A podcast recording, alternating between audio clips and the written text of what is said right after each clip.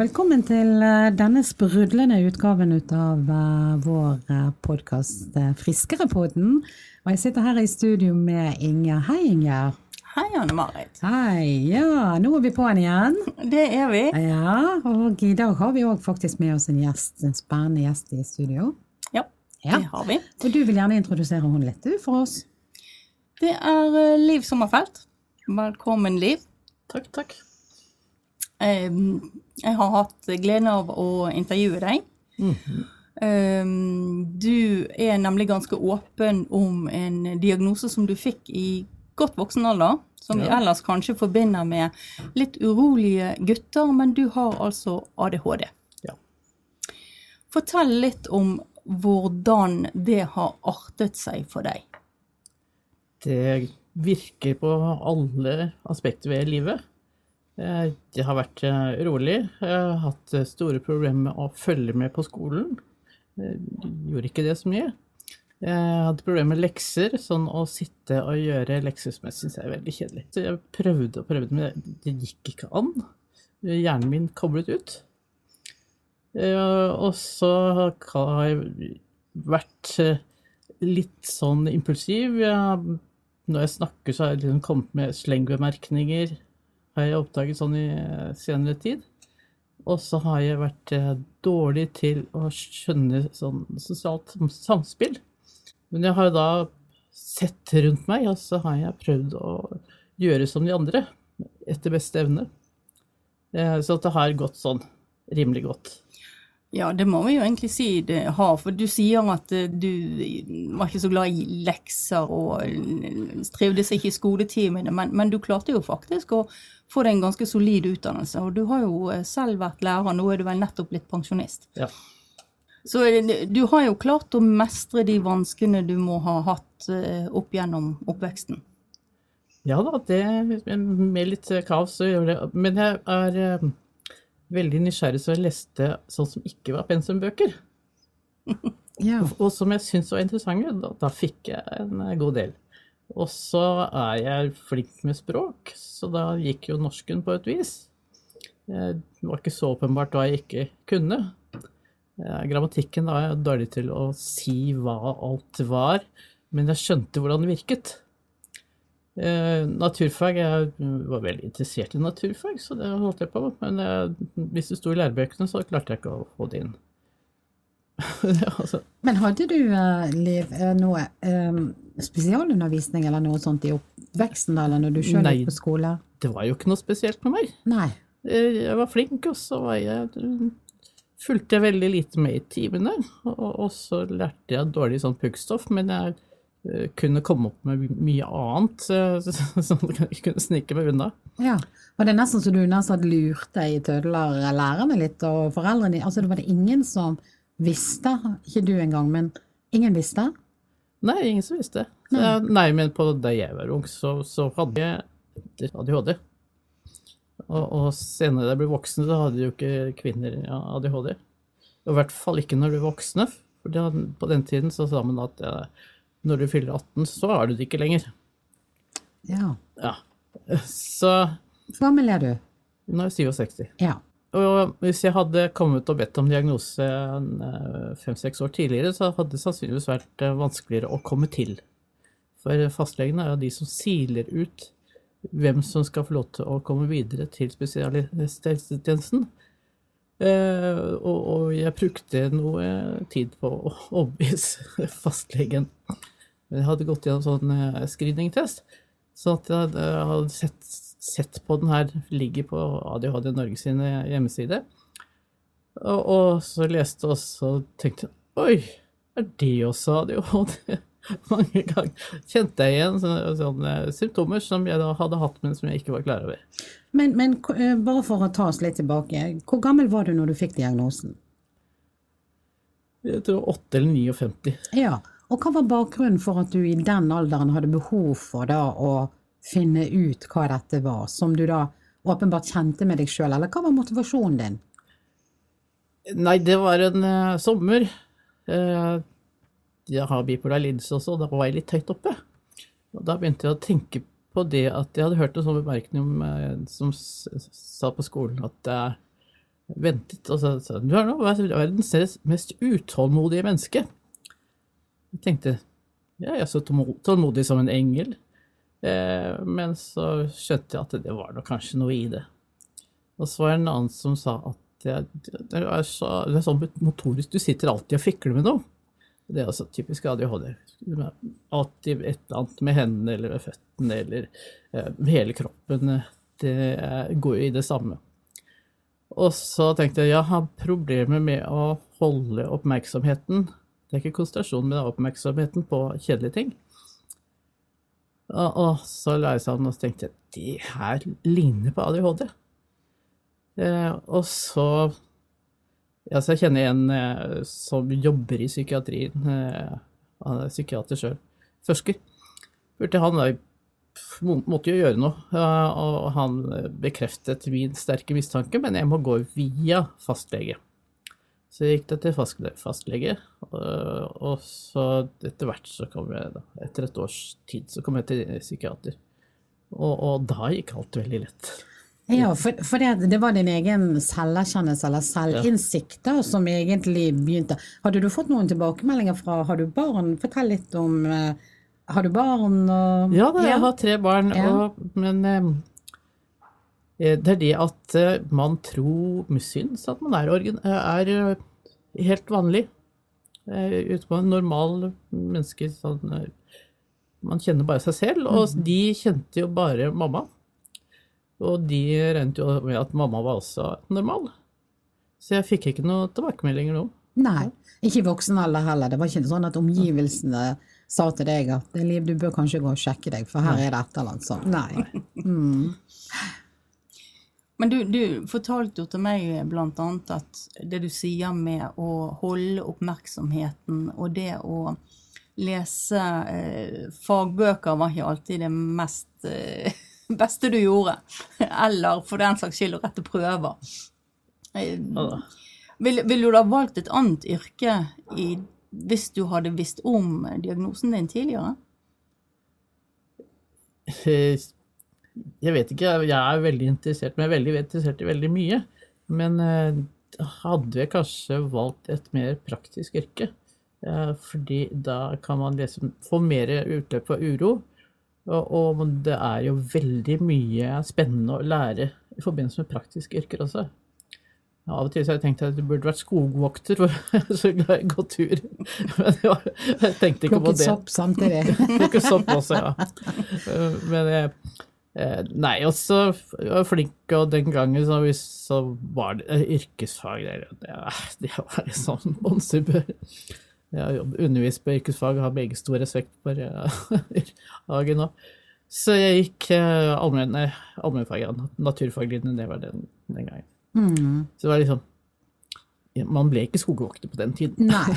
Og du var jente òg, og det var vel ikke så vanlig yrkesvalg for jenter. Nei. Men du, det som jeg lurer på, så når du da eh, tar kontakt med fastlegen din, Mm. så blir du kjørt inn i en prosess. Fortell litt om hvordan den diagnoseprosessen var da. Ja, det er ikke diagnose, det er bare eh, siling. Hvem skal få komme til spesialistene? Ok. Ja. Eh, så først så det er sånn eh, eh, Altså, eh, prøver alt mulig hjerte, og det er, det er snakk om at eh, eh, medisinen gir eh, forøket blodtrykk. Eh, jeg hadde litt høyt blodtrykk. Det var ikke noe rart, for når man er så spent og, og på tuppa som jeg var da jeg kom til fastlegen, så er det helt normalt at blodtrykket blir høyt. Eh, og så diverse sånn lever og nyrer og alt sånn eh, virket bra. Og så ja, så kom jeg med lista mi da, over eh, symptomer. Eh, og så til slutt så henviste han meg fordi han mente at det var var skjellig grunn til det. Han henviste meg til DPS, men de sendte beskjed til på direkten at eh, nei, de så ikke noen grunn til at jeg skulle komme dit, fordi at eh, jeg var velfungerende på andre måter. Hva er DPS for noe? Distriktspsykiatrisk senter. Ja, ok. Så det var der du ble Det var de som skulle utrede Ja, deg? det, det er den offentlige veien. Ja. Ja. Mm. Eh, og da var altså min fastlege mm, rystet ringte, ringte til meg da han hadde brev og sa at det så henviste han meg til eh, privat psykiater med kommunal avtale. Okay. Men da var det et halvt år ventetid. Men det tenkte jeg, jeg har venta så lenge, kan du vente litt? Og hva skjedde da? Ja, da, da ventet jeg, og så kom jeg til psykiater, og, og så eh, kom, så Da hadde jeg venta veldig veldig utålmodig, så visste, har jeg lest at eh, hvis man har bipolar lidelse, så kan man, må man medisineres for det først. Men jeg sa nei, dette er feil.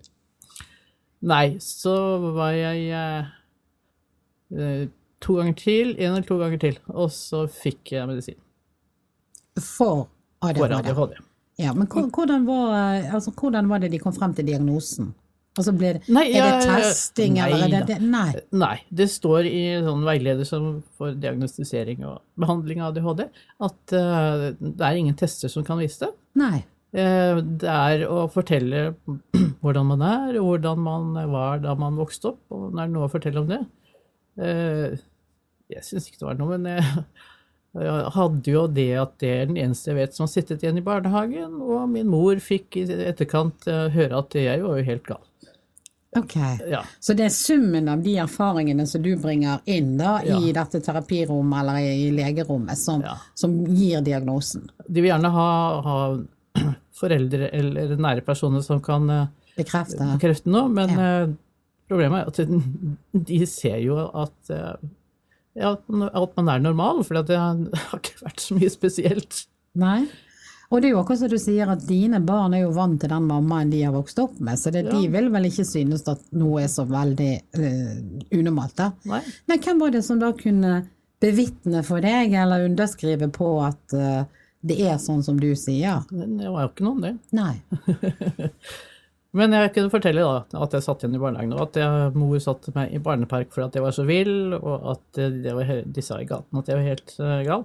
Men mor var jo eh, veldig gammel, så hun kunne ikke være på det der. Nei. Nei. Men, men er det, i den prosessen der, altså blir det viktig for deg personlig å få en diagnose, eller hva, hva var det som, hvor var du i forhold til det? For så vidt så jeg, Altså, jeg ventet et år, et år før jeg gikk til fastlegen. eh, og da Jeg hadde jo fått bekreftet av en som jobbet med ADHD, så jeg visste jeg hadde det. Eh, men jeg ville gjerne ha en offisiell bekreftelse og eh, prøve medisin. Medisin, da var jeg litt skeptisk, for jeg hadde ikke lyst til å spise medisin sånn hele tiden, ja, men eh, eh, psykiateren han eh, bare ga meg en resept, og så tenkte jeg «Øh, vil jeg dette? Ja. Så skal man følges opp eh, nøye når man begynner, så, og da var det sommerferie, så begynte på høsten. Eh, og da var det første pille jeg tok, de var vidunderlig. Ok. Så Så, det, medisin, det, det er altså Ritalin du går på? Det er Ritalin jeg går på. Ja. og det er det som er den vanlige medisinen? Det er det som skal være førstepreparat. Ja. Og hva er det den gjør? Hva slags type medisin er det? Virkemidler? Det er en stimulant, heter det, som da vekker Og så gjør den antagelig litt annet også, eh, sånn at man har lettere for å holde oppmerksomheten der man skal ha den. Eh, og altså demper det jo litt, men eh, altså jeg har jo symptomer fortsatt. Men, eh, men jeg kan sitte og lese noe kjedelig. Ja, altså den kan, demper uroen i kroppen. demper uroen i kroppen, ja. Rastløsheten. Mm. Mm. Mm.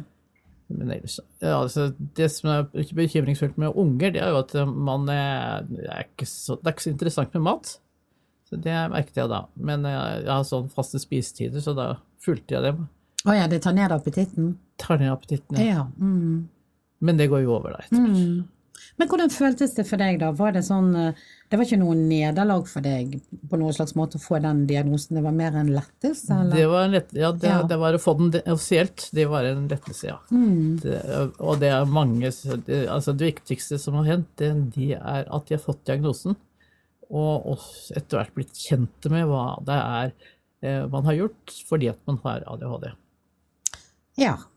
For det, det er jo litt interessant, Ingjerd, dette som vi snakker med Liv om nå, dette med å faktisk stå i en diagnose og faktisk eh, stå frem med en diagnose. For noen får jo diagnoser og forteller det ikke til omverdenen, men du gjør jo det, blant annet her, og du har jo gjort det òg i vårt magasin. og hva har din motivasjon vært? Hvorfor vil du på en måte gi denne diagnosen et ansikt?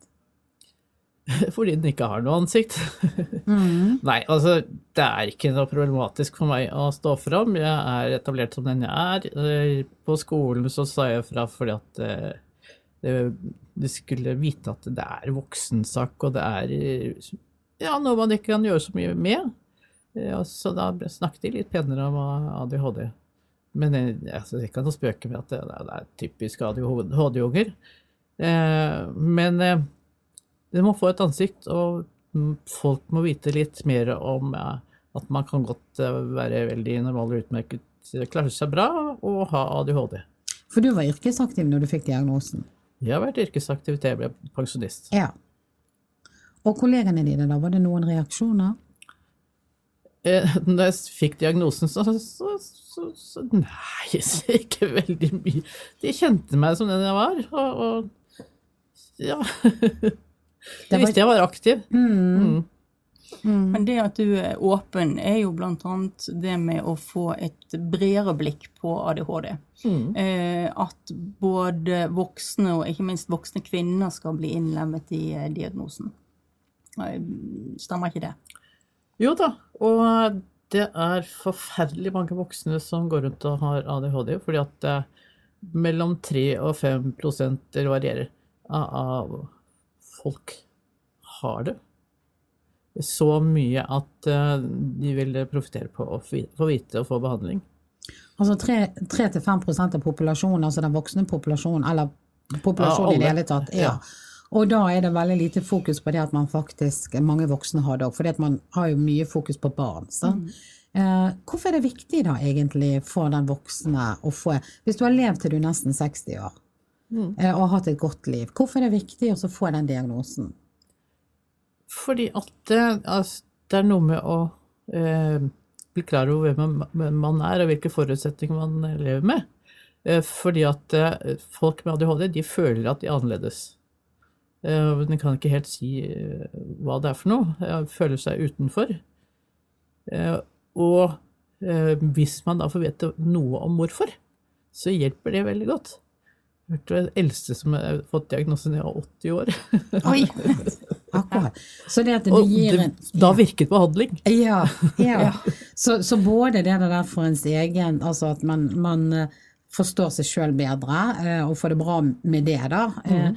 Og det at man faktisk kan få eh, medisin mm. i voksen alder som kan gjøre det at eh, gjerne eh, livskvaliteten blir bedre i de årene som kommer. Det er liksom to, to gode ja. grunner da, mm. til ja.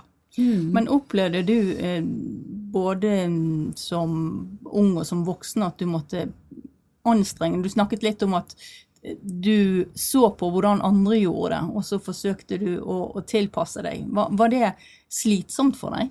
Det var vel egentlig det, men eh, det føltes ikke sånn. Eh, det var bare fryktelig vanskelig. Ja, og stort sett så tror jeg egentlig ikke jeg det fikk det særlig godt til. Altså du kopierte rett og slett andre sin adferd? Jeg så hvordan eh, andre reagerte, og så tenkte jeg hm, Av og til så gikk det hus forbi.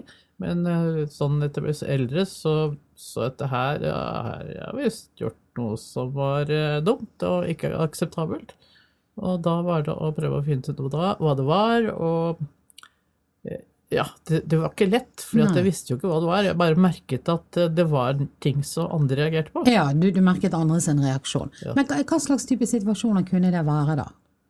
At jeg sa ting, at jeg gjorde ting, men altså jeg var, jo, jeg var jo bare meg selv, og jeg var normal.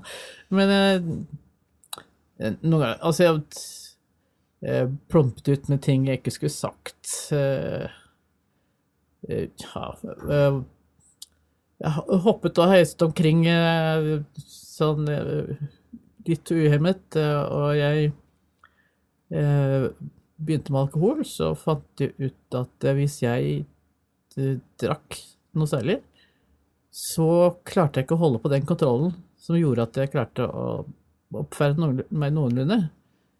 Eh, så da var jeg veldig forsiktig med alkohol, rett og slett. Og det har jeg hørt andre har sagt, at hvis de eh, får så kan de ikke holde kontrollen. Og det er sånn vi klarer å være sosialt akseptable. Ja. Mm. Å ha en, en viss selvkontroll. Eh, Ja. ja. Ja. Mm. Eh, Hvordan opplever du er dette det å ha ADHD? Er, er det et tabu i dag, det, eller er det sosialt akseptert? Det er mye fokus på unge, i hvert fall i skolen med ADHD. Hva føler du? Nei, eh, det er vel egentlig sosialt akseptert, men eh, unge mennesker som vil ha en jobb på et sted hvor de ikke er veldig godt orientert, så sitter det her forestillingen om ville gutter eh, igjen. Mm. Men det er ikke så mange som sier at eh, ADHD-folk de er typisk gründere. For at, eh, ja, det har jeg fått høre, at eh, jeg har satt i gang masse på skolen. Ja. At det må gå tjenestevei. For det er ikke ADH-måten. Vi bare stuper uti det. Altså, gründerne gjør jo det. Det er sånn man får til noe. Sånn å gå og vente på at den andre skal til Det er helt håpløst. Så og, og, og det er masse entertainere. Det er noen som har begynt å si det nå, eh, som også stuper uti det og eh, ikke er så bundet av eh, alt mulig og har eh, masse ideer som bobler opp hele tiden. Eh, og så kan det være godt til underholde. Eh, så det er eh, ja, veldig mye bra. Men fikk du, når du jobbet som lærer, da, hvordan opplevde Hvilke tilbakemeldinger fikk du fra elevene? Merket de at du var Var du en morolærer? Var du en, altså, var du en annerledes lærer? Fikk du tilbakemelding på det? Ja, jeg fikk nå høre jeg var kul, da. Ja.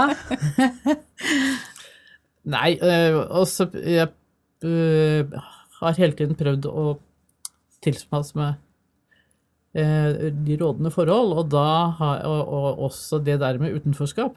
Så jeg har jobbet med å få alle innenfor, uh, elevene mine. Jeg har vært veldig bevisst på det. Uh, og det er verdifullt å ta med på når man har en diagnose, men uh, ja. det, er det motivert ut av at du sjøl følte det Ja. utenfor? Ja. Ja. Mm. Og dermed så hadde du et ekstra blikk på, på Ja. det, faktisk. Har du hatt um, elever som har uh, hatt ADHD? Eh, ja. Eh, men jeg tror det eh, er gutter i altså videregående eh, De er jo, har jo en del uro i kroppen. Eh, så jeg har, jeg har hatt noen, eh, noen med diagnose, noen som jeg kanskje burde hatt en diagnose. Det er litt fett. Eh, mange jenter eh, de er det som blir kalt for ADD. Det, er, det heter ADHD alt sammen. Men det er de som da, som jeg kaller de som sitter stille i en krok. De klarer ikke å følge med, de klarer ikke å få gjort eh, lekser. Eh, de er eh, utålmodige, men eh, gjør ikke noe, er ikke noe problem i klassen. De ikke vil å, å ha den energien som du ofte forbinder med ADHD, da? Jo, det, men det er ikke sånn at de er ville å gjøre Men eh, de har masse uro.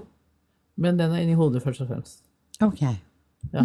Og det gjør jo at det da er det veldig vanskelig å følge med. Ja. For kan ikke vi snakke litt om hva ADHD egentlig er? Du sa jo det innledningsvis i denne podkasten.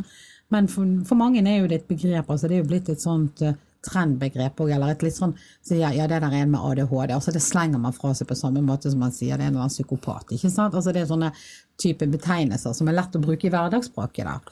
Eh, Men, og da er jo det ofte forbundet med en person med veldig mye energi, og som er litt sånn høyt og lavt. Men er det Kan du si litt mer om hvordan det fungerer på innsiden? For vi som i hvert fall per definisjon ikke har den diagnosen, eh, vet, ser jo bare eventuelt noe i den ytre verden. Kan ikke du fortelle litt mer om hvordan det er, og hva er det som gjør? For alle har jo en form for indre uro. Og hvor- tid blir den unormal? Altså, det er eh, Den uroen er, Ja, den er det hele tiden. Og da er det vanskelig å sitte og gjøre det samme lenge. Eh, Du, så du da må- begynner på noe, og så avslutter du? Ja. Eh, og, og da eh, må man gjøre et eller annet innimellom. Altså ikke fortsette med det samme mer enn kvarter 20 minutter, for at, ja, det er ikke noe vits i, det er ikke effektivt i det hele tatt. Og så er det det at uh, man er litt uforferdet, altså setter i gang med ting uh, uten å tenke på alt det som kan gå galt.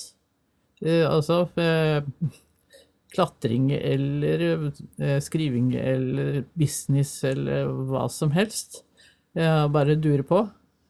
Jeg ser seg ikke så mye til siden, og det kan gå litt over stokk og stein. Så jeg har hørt at en eh, person med ADHD som da er veldig kreativ, vil ha en god sekretær.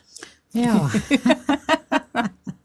Men hva foregår sånn den indre uroen som man snakker om? Er den eh, nær sagt fysisk òg? Altså, er det sånn kribling i kroppen? Er det, altså, hvordan ja, det, fungerer det? Det er forskjellig. Altså, eh, jeg har jo sånn ja, jeg leser, men ellers så kan jeg ha sånn kribling, altså litt rastløs. Eh, og så er det at jeg hele tiden eh, lurer på ting og tenker på ting og sånt. Og særlig når jeg skal sove. Eh, da raser tankene. Det er noen som sier at det er som eh, flere radioer på utenfor stasjonen, men eh, eh, jeg har da ligget og fundert og tenkt på alt mulig sånn mens jeg skulle sove. Og så en delvis blitt syns jeg er blitt urettferdig behandlet, eh, så gnager det veldig inn i hodet. Da repeterer du det i tankene om igjen og om igjen? Ja, og hva skulle jeg gjort, og hva skulle jeg gjøre, ja, og det her var dårlig og sånn. Mm. Jeg hørte mange som har veld, er veldig viktig at ting foregår rettferdig. Og det er jo, urettferdig er jo ganske, det er jo ganske normalt. Mm. Ja, men eh, da takler man ikke det. altså Kan ikke legge det fra seg sånn i utgangspunktet. Forfølger du det da til, eller hva plager du deg sjøl med? Det følger meg. Ja. Mm. ja, det forfølger deg istedenfor at du forfølger det. Ja. Men, men, dette må jo ha gått utover søvnen din?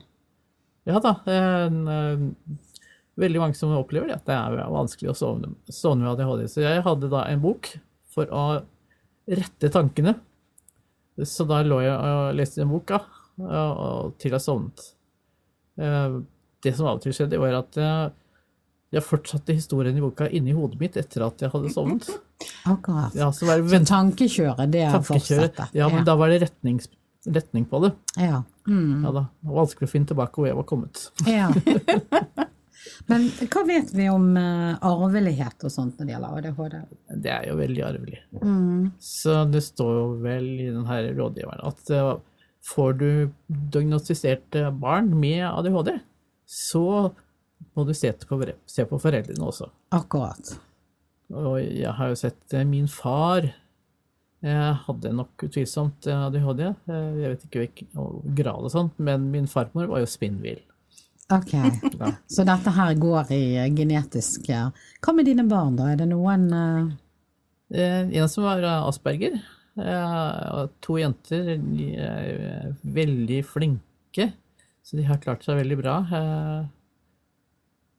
Og hvis det er noe ADHD inni seg det er jo, Men ikke noe sånn det er ikke sånn at, du, at det ble satt lys på når de var små? Nei, overhodet ikke. Overhodet ikke. Det er en niese som har ADHD. Men du snakket om at det var ulike grader? Altså, Når jeg forteller om ADHD til folk eh, hvordan de har det, og så sier ja, sier, sånn har jeg det også, av og til. Mm. Eller rett som det er. Mm. Eh, så hva er problemet? Mm. Problemet er at det er hele tiden. Mm. Ja. At du får ikke fred. Det tankekjøret er der hele tiden. For, for det, det, er jo det som slår mm. Impulsiv.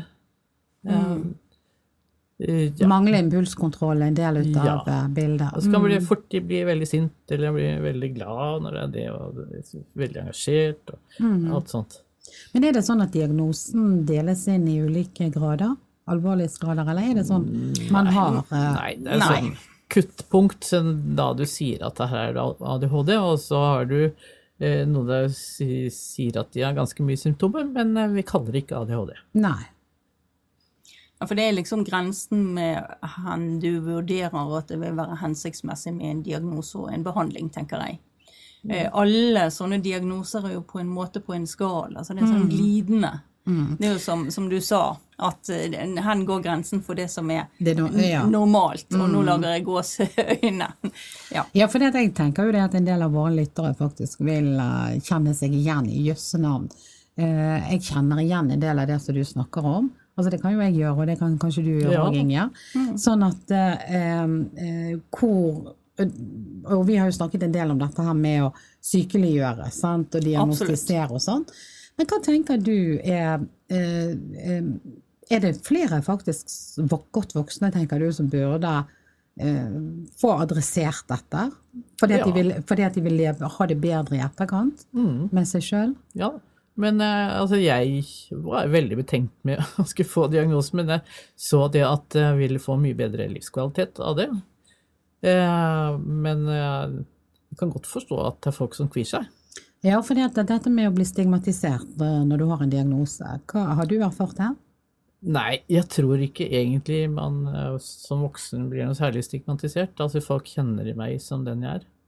Men jeg har vært borti noe som jeg ikke ville si det til eh, arbeidsgivere hvis de har vært til løse arbeidsforhold. Eh, For de har fryktet at eh, dette er et menneske som ikke vil ha tiltro til meg hvis de får vite at jeg har ADHD. Mm. Hva tenker du om det? Nei, det, verdens dumskap er ikke så mye å gjøre med. Ja, men det, men det Nei, forteller jo noe om, om at det kanskje er en vei å gå, da, i forhold til For det kommer vel i kategorien sånn psykisk sykdom. Ja da. Eh, og, og vi har jo snakket mye det, om ikke, det. det kalles for lidelse, for det, er ikke noe, det går ikke over. Nei, det går ikke over. Det er noe du må leve Mm. med. Ja. Eh, og, eh, og eh, vi har jo snakket en del om ulike typer psykiske lidelser, og, vi er jo opptatt ut av dette med hodet òg i forhold til resten av kroppen. Og, det hele tatt. og hva slags type stigma og tabu det eventuelt eh, vi møter ute. Men du, eh, Liv, du er det som kalles eh, likeperson. Ja. Eh, kan du fortelle litt om hva det innebærer?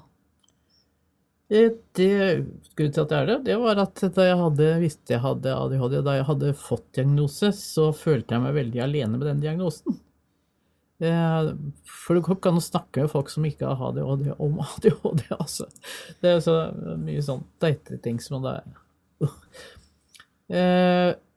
Og da hadde jeg eh, lyst til å Først med eh, lokallaget ADHD Norge, og så tenkte jeg at eh, jeg vil ikke at andre skal gå sånn uten å ha noen å snakke med. For det trenger man veldig. Et helt vanlig menneske med samme erfaringer som en sjøl.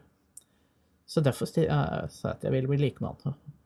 Tar imot telefon fra de som tør å ringe.